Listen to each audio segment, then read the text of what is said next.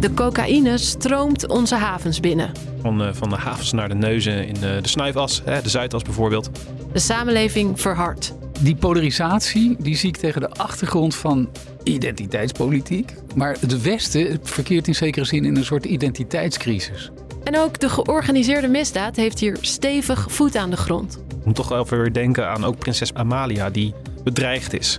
Eh, een tachi die vanuit de gevangenis toch nog het een en ander goed weet te beheersen. Hoe veilig is Nederland? Dat geweld is in één keer geëxplodeerd, dat drugsgeweld. Wetenschappers Jarin Eski en Hans Boutoyer, verbonden aan de VU Amsterdam, leggen de vinger op de zere plek in deze nieuwe podcast Polder in de Fik. Dus ik wil niet alleen maar onszelf eh, in de put zitten praten. Dat zou ik een beetje vervelend vinden. Dus het is polder in de fik. En wat mij betreft ook wel kunnen we blussen. Polder in de Fik. Binnenkort in je podcast-app.